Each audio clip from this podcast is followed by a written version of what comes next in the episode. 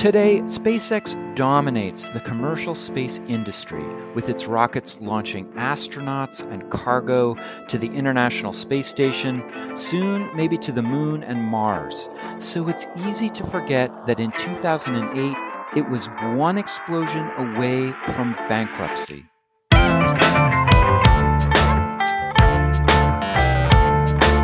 It's time to eat the dogs. I'm Michael Robinson. Today, Eric Berger talks about the rise of SpaceX and its eccentric, mercurial founder, Elon Musk. Berger is a senior space editor at Ars Technica. He's the author of Liftoff Elon Musk and the Desperate Early Days That Launched SpaceX. Eric Berger, thank you for talking with me. Well, hey, Michael, it's great to talk to you. So, a lot of us, I think, think of Elon Musk as the guy who makes really cool cars and sends astronauts and sometimes red convertibles into space. But this is not the way it looked in 2002 when Musk founded SpaceX. Can you talk about those early days? Who was Elon Musk then and what was he trying to do? Right. So, you know, back in 2001, Elon Musk was basically ousted from the board of PayPal. He walked away with 180 million dollars and was still in his 30s. Right, he had a couple degrees, had started two companies, and was really trying to figure out what to do. You know, he he he thinks in his worldview, he thinks a lot about sort of what are the threats to humanity mm-hmm. and what could we be done to address those threats. You know, we see that with his. He sometimes talks about AI he thinks, you know, evil AI is a big threat. He, he worries about climate change, obviously with um, with Tesla. Although his you know support of Bitcoin, you know, maybe raises some questions about that. But back in 2001, he'd always been interested in space travel, and and felt that the destiny of humanity was to live on other worlds around other stars. And he figured that the agency to do that was NASA, right? They're the space agency. They landed on the moon. They must be working on sending humans to Mars. And he he realized at that point that they weren't. And initially he figured that the problem was that well NASA had the wherewithal to do it, the public just wasn't inclined to support it. So he conceived of this this concept called Mars Oasis, which in retrospect seems pretty pretty crazy, but he wanted to wanted to create a little terrarium and put some cameras around it and then go to Russia and buy an old ICBM and launch this thing to Mars, landed somehow landed on Mars, and then somehow send those webcam images back to Earth. So you would have this people could see that life could exist on Mars because you'd see little plants, or maybe there'd be frogs or bugs in there. I don't know what ants, what what the what the plan was. but it basically was like live webcast from Mars. You know, look, life on Mars, and that this would magically sort of spontaneously generate public approbation for spaceflight. NASA would get the money, and you know it would go to Mars. Like that would be like the next step, right? Humans to Mars. And along the way, he ran into some hurdles. The most publicly known one was the fact that the Russians didn't really want to do business with him. They didn't think he was. They, they thought he was crazy, right? Not and not understandably so. Um, and today they certainly regret probably not selling him those rockets. Um, but the other thing that he discovered, which I think really was the genesis of SpaceX, was that you know the way NASA and the way the U.S. had been doing exploration for a couple of decades relied on old technology. So there was the space shuttle, of course, which had been developed in the 1970s. But then the U.S. military was using launch vehicles you know, essentially derivatives of ICBMs that the, the costs, you know, were not going down for this old technology. It was going up. And so in, you know, in his quote to me, he said, the horses in the barn were lame, right? The, even if NASA's budget doubled, there's no way these companies were going to get the job done. Um, and so he said, I'm going to start my own rocket company. And you know, he had grand plans even back at the beginning of sending humans to Mars, which of course you cannot do right out of the box. It's an enormously challenging undertaking. And he he realized he would have to bring down the cost of access to space, do so with modern rockets, make them reusable, like we've seen recently with the Falcon 9. But the first step really was to prove that a private company could build a rocket with private funding, which had never happened before, the type of rocket they were trying to build. Um, and so that's what he set about in 2002 and founded SpaceX with um, a couple other people. You know, you mentioned that um, Musk's idea seems almost kind of harebrained in retrospect to, to, create a little terrarium on Mars, but he's doing it for the process of promoting, right? and yeah. it makes me think. It makes me think actually how much he does on social media and how different he is as the leader of a space company. I mean, this is an internet guy. Starts with PayPal and so unlike the world of mechanical and aerospace engineers that dominate those private businesses of NASA in the 60s and 70s. So, could you talk about that history for Musk and how this Silicon Valley ethos shapes his way of thinking about space exploration? Yeah. So, aerospace definitely was kind of a static industry at the time wasn't really moving forward. It, it, was these were large companies with traditional structures, and one of the things you know Musk did to shake things up was he brought in the the Silicon Valley ethos, as you say, to you know his employees worked a lot longer than traditional space companies. They worked toward much more aggressive goals on much more aggressive timelines. He also had been involved primarily with writing software and the way you develop software mm. on a mm. very basic level is you write some code, you run it, and you see what happens, and you find the bugs and you fix those bugs. And I think the other really important thing that he brought into the industry was this iterative design method. Unlike a, a linear design where you you know spend years planning how your rocket will work sort of think through all the things that could go wrong with that on paper and then actually build the rocket and launch it right? That's a long, expensive process, um, but usually results in success off the pad. Musk was very much of the idea of, of writing software, test it, and find the bugs. He would build hardware, test it, things would go wrong, right? Things would blow up, and and you would find out what caused the accident and and fix the bugs and move to the next version. Um, and so I think that as important as the long work hours were, I think it was sort of that idea of being willing to fail in hardware development that was really important.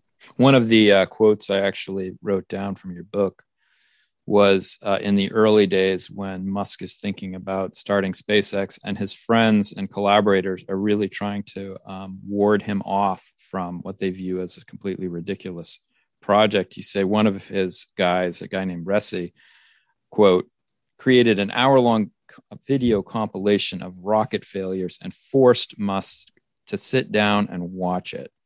I thought that was funny, but I also thought it was interesting because now if you go to YouTube, it's almost as if SpaceX revels in its videos of its rockets blowing up. Why is there such a attitude towards almost reveling in failure at SpaceX? I can think of at least a couple reasons for that. One would be the fact that they kind of like to flaunt to the rest of the industry that this is how they do it. You know, like, look, we're not scared of our failures here they are. They make for great, great video. And, and oh, by the way, it leads to success, right? We, we do it better and faster than you do it and kind of in your face. The other thing is young engineers, and these are the people you want to come work for your company, the, the best and the brightest, because that's really what makes a, a space company go is the quality of your engineers want to go to places where they can build stuff and fly stuff. Mm. And then the explosions are a fun part of that too. I mean, think about it. If you were on this Space Launch System program at NASA, you spent a decade of your life designing, building that rocket, and it finally lit its engines for the first time a few weeks ago. Um, and it may launch next year. But at SpaceX, you know, the engineers were not pushing paper. They were building things in the factory, taking it out to the launch site and seeing what happened. And that's much more exciting, I think, and engaging for an engineer to, to, to actually have hands on work and then to get to go test that. Um, you know, if you're going out to the launch site every few months to see something exciting, you know something cool may happen or may blow up but it's still fun right i think that's i think that's much more appealing to younger engineers than a more static desk job. One of the engineers that you profile in your book liftoff is tom mueller who's kind of the whiz kid rocket engineer. And musk allows him to design spacex engines. As i was thinking about this i was thinking there's there have to be dozens and dozens of successful rocket engine designs already on the books. Why isn't SpaceX using one of those designs? Why is Mueller such an important person for this new company? So, one of the reasons is if you use an existing engine, you would either have to go buy it from someone who would mark up the price, um, and then and you'd also be reliant on their schedule for making the engine. Or if you wanted to kind of copy the design, you hmm. would need to go buy components or, or things like that from suppliers. Whereas if you started from scratch or, or, or based it on the ideas of others, and, and they did with the Falcon, with the Merlin engine, was sort of based on some other stuff, but it was all, you know, clean sheet design.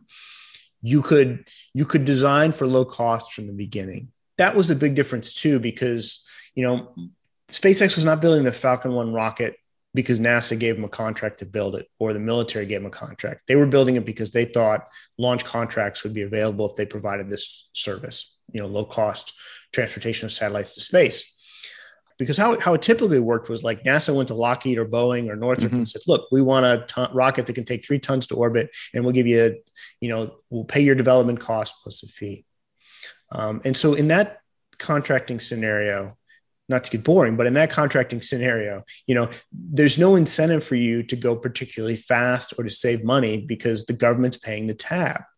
Whereas if you're building the rocket on spec, which SpaceX was doing, you have every incentive to save money because not only do you want the development cost to be low, you want to be able to build those engines for as cheap as possible. Yeah, that kind of anticipates a question I was going to ask you, which is how does space i mean so when when when i think about it NASA is, is not building its own rockets in the 60s. It's it's contracting with other private corporations to build these rockets. And yet SpaceX is seen as such an, an innovative company. Based on what you just said, is it fair to say that the one of the differences is that SpaceX does not see NASA as really its main patron that it's already thinking of a kind of business model that moves beyond NASA, or is it more complicated than that? It's more complicated than that. Clearly, NASA, I think, was their most important customer and remains their most important customer. And Elon recognized that from the beginning. It's more accurate to say that, you know, when NASA typically built a rocket, its engineers decided mm-hmm. how what it should look like. Its engineers decided what engines it should use. Its engineers decided the structure, you know, and then it went out to the industry and said, "We want you to build this." Whereas SpaceX, when it built the Falcon One, decide, got to decide we think this should be the engine, and we think this is the best way to do this, and so forth. And then it showed up with a rocket and said, "NASA, do you want to launch on this system?" So I think that's the key difference it seems that Musk is able to do so much so effectively, but you do point out that there are some areas, some weak spots maybe in the way that Musk approaches this business. And one of them seems to me, he doesn't really know what to do with military culture and he, he has to interface with the military a lot. So, why does SpaceX need to um, collaborate with the military? And what are the points of tension in that relationship?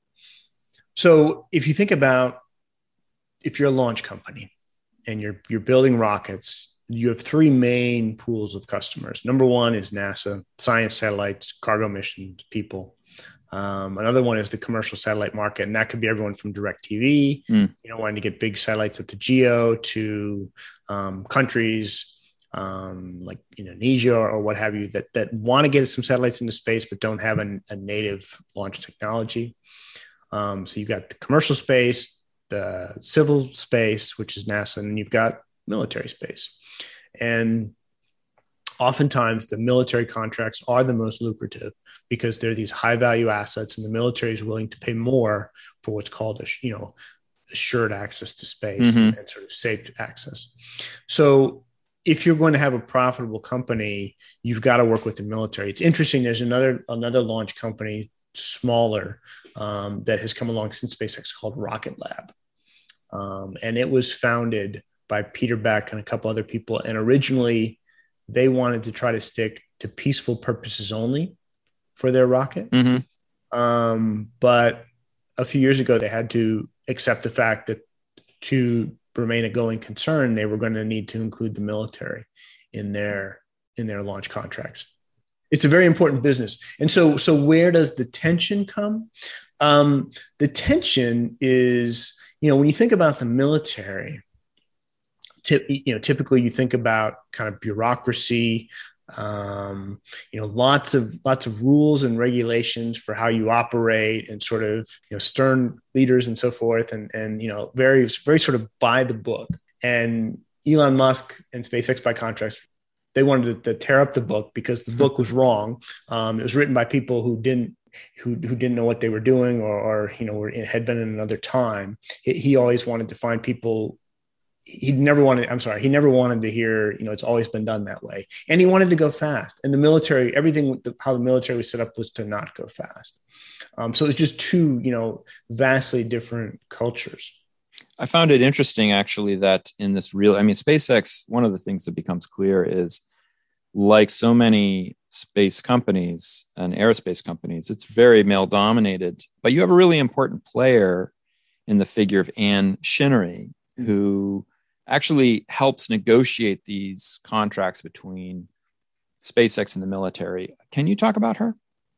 Yeah, so Ann Chinnery was um, had been in the Air Force um, for more than a decade, and she decided that she sort of had enough of that life. She could kind of she thought, well, I can continue on and, and get my pension and, and do another ten years, or I can you know get out and get my hands dirty. She was she was an engineer, hmm. and found herself doing a lot less engineering than she thought at in the Air Force, and and so she left um, the Air Force and in 2003 went to work for SpaceX and proved to be very valuable because she spoke the military language and they were trying to launch from Vandenberg Air Force Base just north of Los Angeles, and so she proved to be a pretty valuable.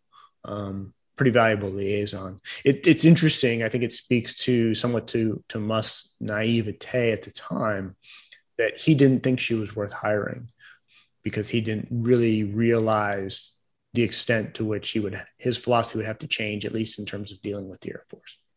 You talk a lot about spacex's triumphs um, but there are some pretty dark days for this company. What's the highlight reel or low light reel of that? Well i think what was really revealing to me as I, I went through and, and reported the book and, and I tried to write it and I think ultimately, which leads to a pretty dramatic story, is how close they were to failing. Mm. You know, so many times. Perhaps most acutely, you know, after the third failure of the Falcon One rocket, um, where they had the parts only for one more vehicle, and, and that that flight was fraught with problems as well. But but again, a- even after that success, you know, if they hadn't gotten a key NASA contract, they would have failed in, in late 2008 just because they didn't have funding to continue. And then you could go back even earlier, I think in 2006, um, another NASA contract really helped them to grow. And if they hadn't gotten funding then, I don't think they would have survived through three flights of the Falcon 1 rocket.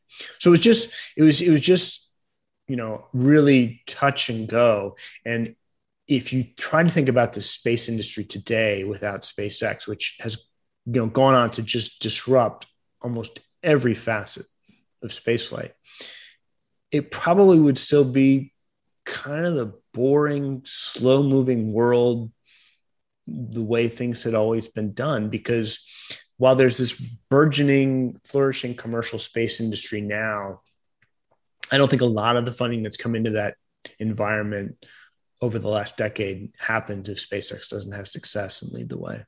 I was kind of amazed at the access you got to Elon Musk as well as those early founders of SpaceX. You have so much direct quotation of Musk and his crew. And he's a very difficult guy to get. There's a lot of people who are demanding his um, his attention. And so I wanted you to talk a little bit about what kind of access did you have to Musk and what were your impressions of him and what surprised you given how public a figure he is? I mean, you yeah, no kidding. He's he's got a busy schedule, right? um, he's running, he's running simultaneously running Tesla and SpaceX and other companies, and tweeting and appearing on Saturday Night Live. Um, so yeah, he had been familiar with my work um, for the last half decade or so in in writing for Ars Technica because I kind of understood the changing landscape of, of space flight and how commercial space really was transforming NASA and and you know had written pretty authoritatively about that. Yeah. Um, and certainly I was very sympathetic in my writings to SpaceX because they were leading that change and really doing meaningful things. Um, and so when I went to the company and him in 2019, and I said, look, I think there's a great story to be told about the Falcon 1 rocket um, and I'd love to, you know, I'd love to come in and and and write a book about it. Um, and and to be clear, you know, Ashlee Vance did a very fine biography of Musk. Um, it was published in 2015, and, and he sort of touches on the highlights of the the Falcon One story. So, I mean, spoiler alert: they do make it to orbit on that fourth flight, but there were lots of details. And my vision was not to sort of recreate the story through the eyes of Elon Musk. It was to tell the story of SpaceX through the eyes of him, but also about 10 or 12 other key players and to really bring their stories into the overall narrative. And then, and then sort of in the second half of the book, you're sort of living these tragedies and successes through their eyes. Right. And, and that was the vision. And basically I told Elon that and his, his, you know, his, he told me, well, okay, you know, the one thing he wanted was for the story to be accurate. And so once he decided that um, that I was probably an okay person to write this book, he basically told his people that I should talk to whoever I wanted. Um, so I, you know, he invited me to come out to the factory and you know speak to employees there, and then sort of that signal kind of got spread out into the nuclear or into the SpaceX DNA. So the former employees who had been pivotal but were no longer with the company who still respected Elon. Some of them didn't part on the greatest of terms, but they certainly still had a great respect for Elon. But it, it freed them to talk freely to me um, and really tell me all the you know the good stories um, about those early days. And so yeah, I mean, I talked to I talked to Elon a lot for the book, but I also talked to you know dozens and dozens of other people who were at the company early on to to flesh out the narrative. Yeah, my impression from reading your book is that you've overall you view SpaceX under Musk as a really tough, very demanding, but also inspiring environment where a lot of stuff gets done. There are other people who see it more negatively. I mean, uh, Musk has been profiled by a bunch of different places, and there's no um, small share of critics. But um, Business Week ran a an article on him and inter- interviewed a number of his former employees, and and some of them said, "Yeah, you know, if you have a problem, I'll give you the quote actually from Business Week. It says it's a culture in which if you don't have a solution to a problem and you don't have that problem resolved within a few days or a week, you're gone. So it's better to keep your mouth shut."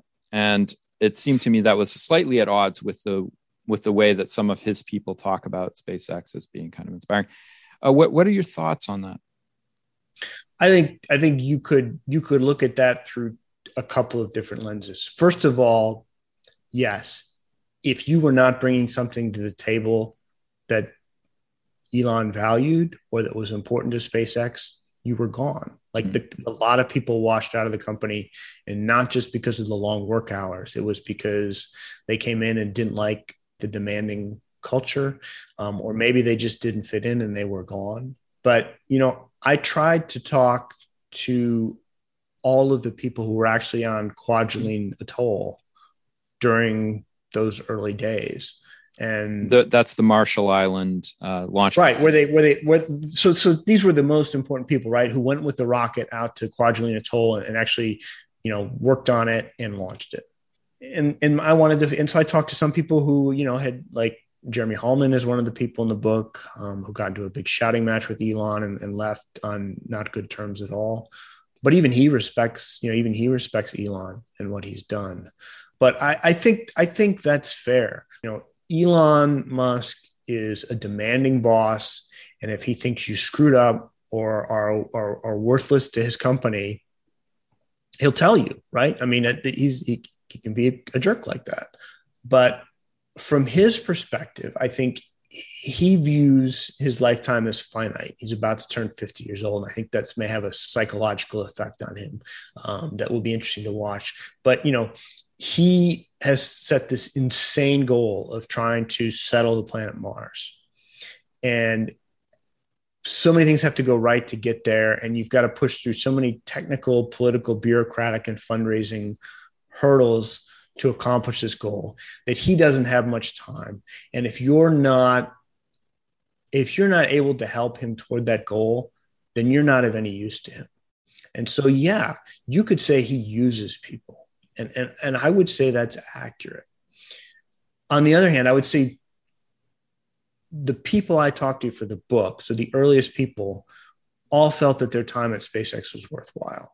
Mm. um, so you could you could definitely find i'm sure you could find other people who were not you know who who had a very negative experience but i think that's generally the minority.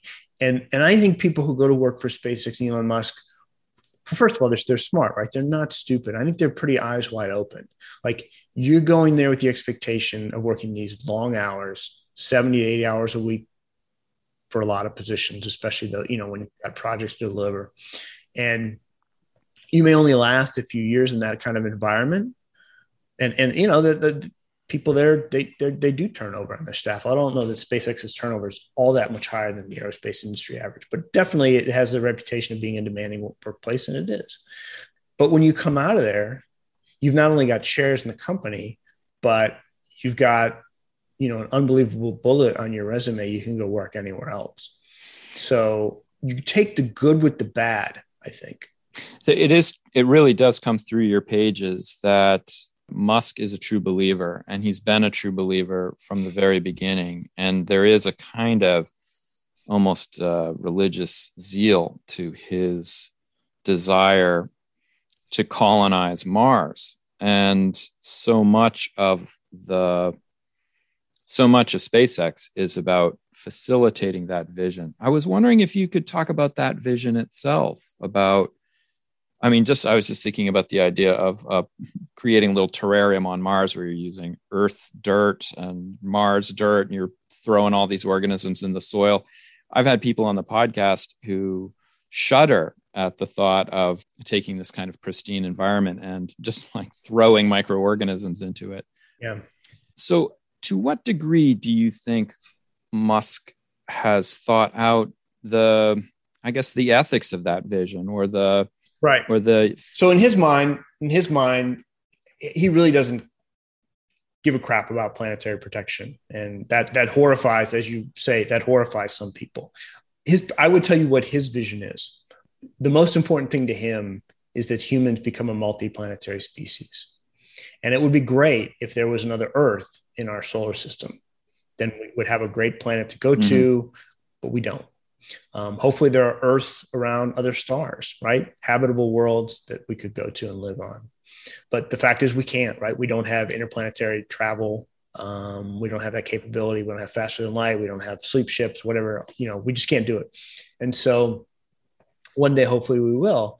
But if you're going to become a multiplanetary species, if you're going, and, and, and again, he's not saying the rich people are leaving Earth, right? We're all getting on a ship and, and y'all can rot in hell.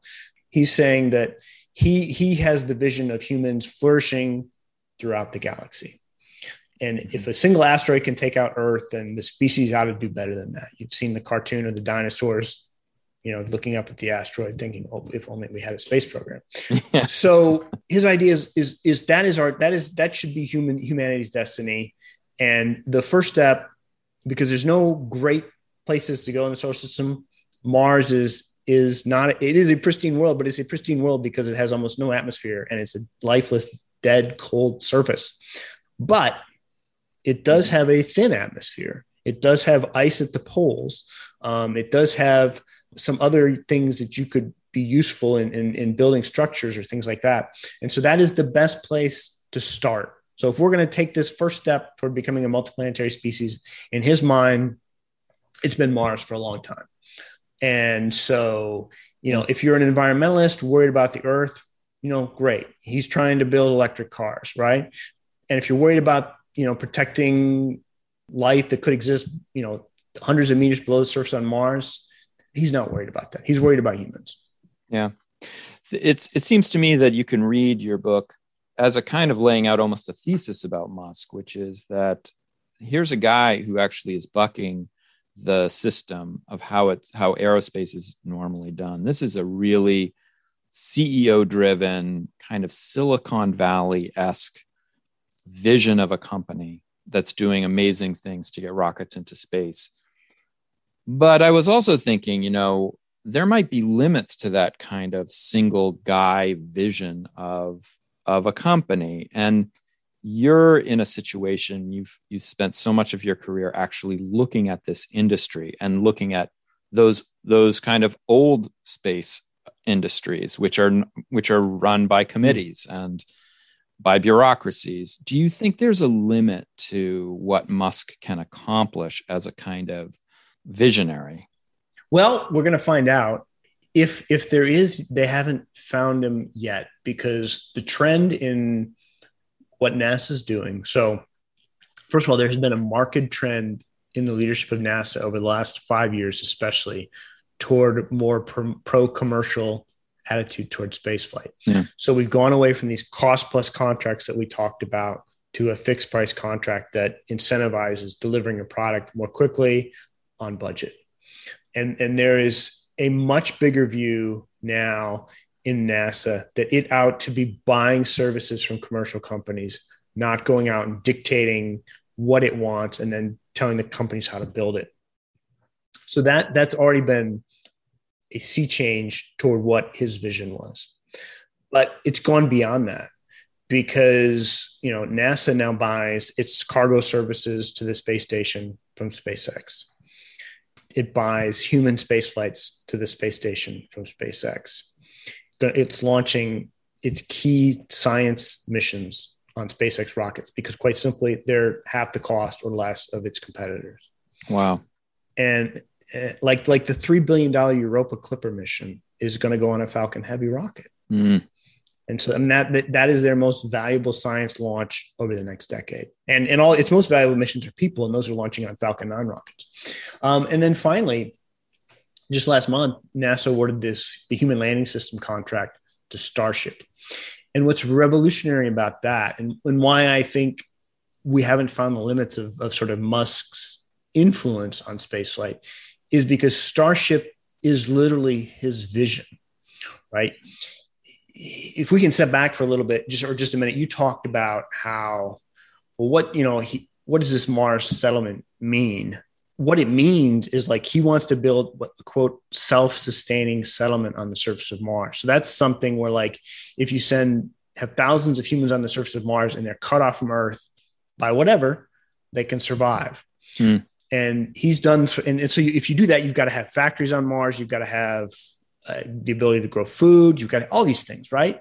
Um, you think about you know 3D printing, blah blah blah. He sort of says, well, if we're going to do that, we need rough rough numbers. 1 million tons sent from earth to the moon. So that's everything you would need. Food water the ability to make all those things and, and sort of keep going. Build build little cities under domes or whatever. So 1 million tons. To help conceptualize that number michael you know we all celebrated earlier this year when nasa landed the perseverance rover on mars right? And it, it's great. The helicopter's flying. It's pretty cool um, that rover was a little more than one ton. Yeah. So a million tons is a lot, but Starship is designed to be the vehicle that makes that happen. Because if it is successful, and I'm not sure it will be, but if anyone can do it, SpaceX can, given their history of success over the last decade. This is a vehicle literally that can fly, you know, hundreds of tons or 150 tons into low Earth orbit, and then take those tons after being refueled onto Mars. So, and it, it can be flying often. It's reusable. Can you know it, it's low cost because it's if it's reusable, then your primary cost is the fuel, which is just methane and liquid oxygen. So, when he looked at the problems 20 years ago, he said, wait a minute, if it costs $300 million to get 20 tons into low Earth orbit, how are we going to get we can't even send humans to Mars, let alone build a settlement. So he has been working toward rocket reuse and now has this big launch vehicle that they're testing and blowing up, this iterative design, but you know, they're making progress. And so to have NASA come in and say, okay, Starship is experimental, but we think it's probably the best system that will be developed soonest enough to get humans down on the surface of the moon from low Earth orbit.